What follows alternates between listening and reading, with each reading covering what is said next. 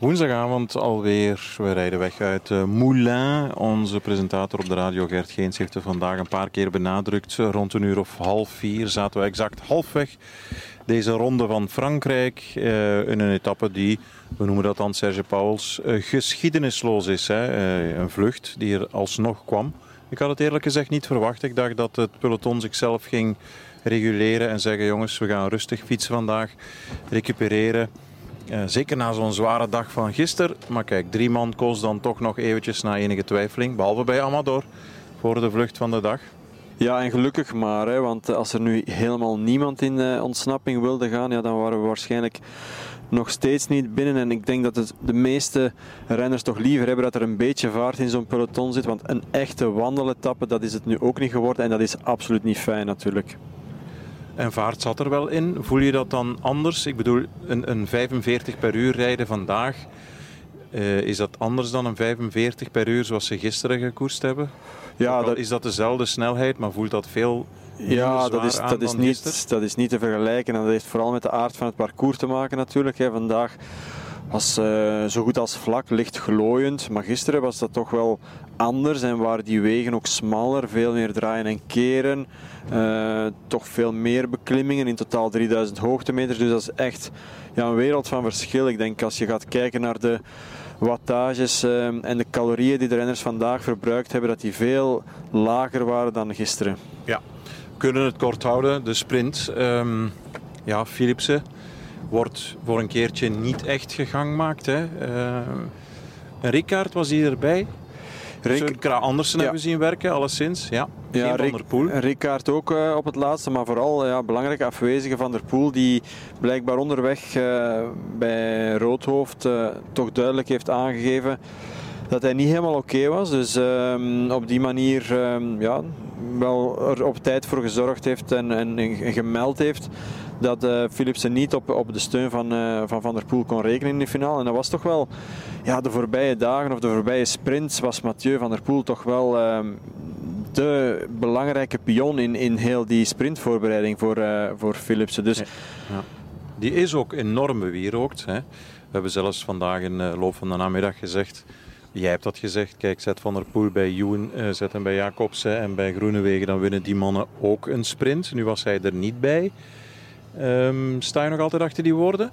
Ja, toch wel heel hoor. Veel mensen zeggen, zie het, hij kan het uh, ook zonder Mathieu. Ja, maar dat is uh, uiteraard, ik twijfel ook niet aan de, ik wou ook geen afbreuk doen aan, uh, aan, de, aan de snelheid en de kracht van Philipsen, want hij is ongetwijfeld de beste sprinter in deze Tour, met mm -hmm. of zonder Mathieu van der Poel. Ja. Maar die rol die Mathieu van der Poel ja, vertolkt heeft in die, in die drie sprints voor vandaag die Philipsen gewonnen heeft, ja, die was toch subliem. En dan vond, vond ik wel dat je, dat je een aantal keer echt um, mocht zeggen dat het dankzij Van der Poel was dat, uh, dat Philipsen gewonnen had. Ja, wie doet het goed, wie doet het minder goed in die sprint van vandaag?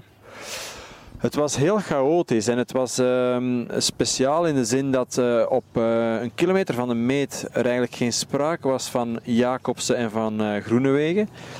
En dat uh, Mesketch, de ploegmaat van Groenewegen, uh, een hele belangrijke rol heeft gespeeld in, uh, in de sprint. Um, er was eigenlijk een groepje afgescheiden bijna, hè. Er, een tiental die, uh, die normaal de sprint onder elkaar gingen uitmaken. Daar was op dat moment Groenewegen nog niet bij, maar Mesgic die rijdt heel die, dat kleine pakketje voorbij en die loodst Groenewegen eigenlijk op die manier terug ja, in de vuurlinie. Op die manier wordt ook uh, Wout van Aert een beetje uh, gehinderd en, en verliest hij de controle, wordt hij een beetje klem gezet, kan eigenlijk geen sprint rijden.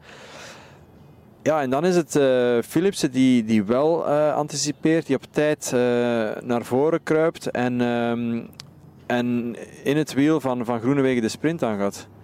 Dus zijn timing, niet alleen zijn snelheid, maar ook zijn timing is zeer goed tot subliem van ja, Philipsen. En ik denk, Christophe, dat ook een, een hele belangrijke factor is dat hij, ja, het feit dat hij al die drie ritten gewonnen heeft, hè, dat hij eigenlijk relaxed deze sprint kon doen. Tussen aanhalingstekens relaxed natuurlijk. Het is altijd wel chaotisch en zeker met de regen die er dan in de finale nog eens bij gekomen. Hè. De wegen lagen er iets gladder bij. Hele hoge snelheid.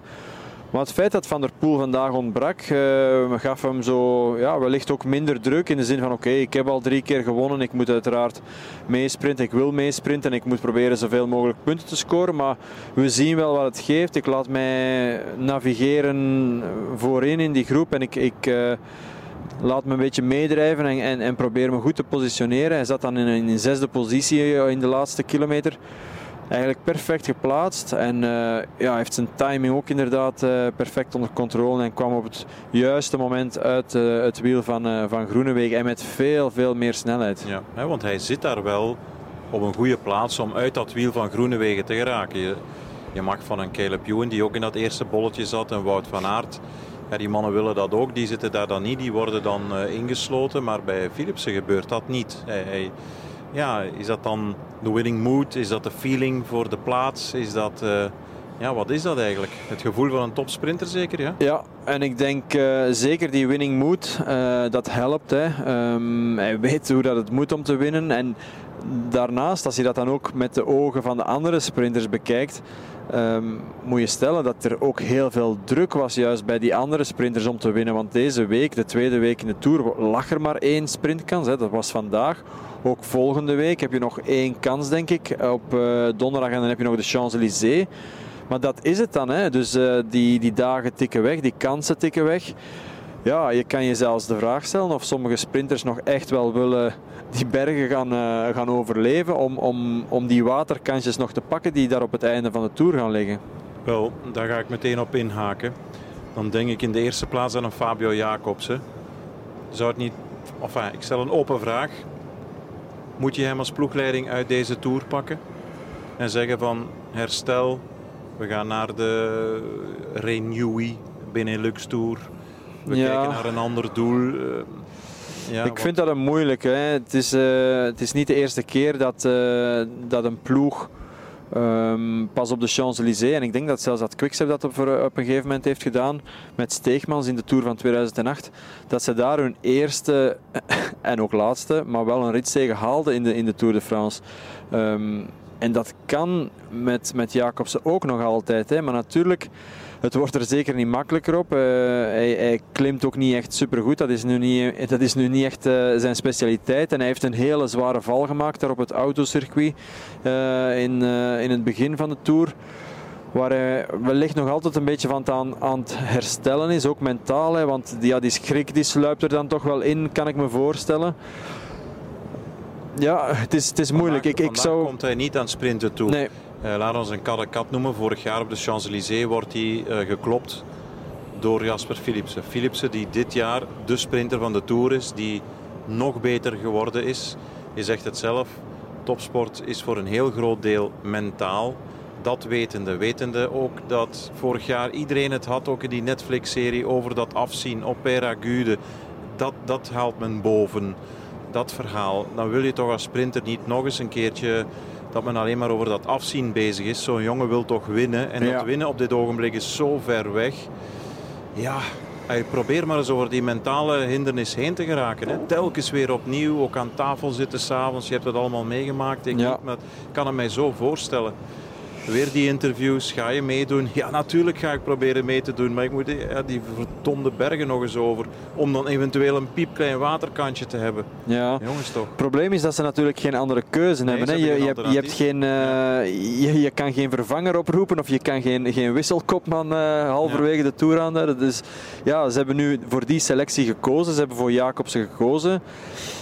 En ja, you win together, you lose together. Ik denk gewoon dat ze, dat ze hem goed gaan blijven omringen. En, en een van de taken nu ongetwijfeld in, in de Alpen wordt om hem eh, binnen tijd uh, binnen te krijgen.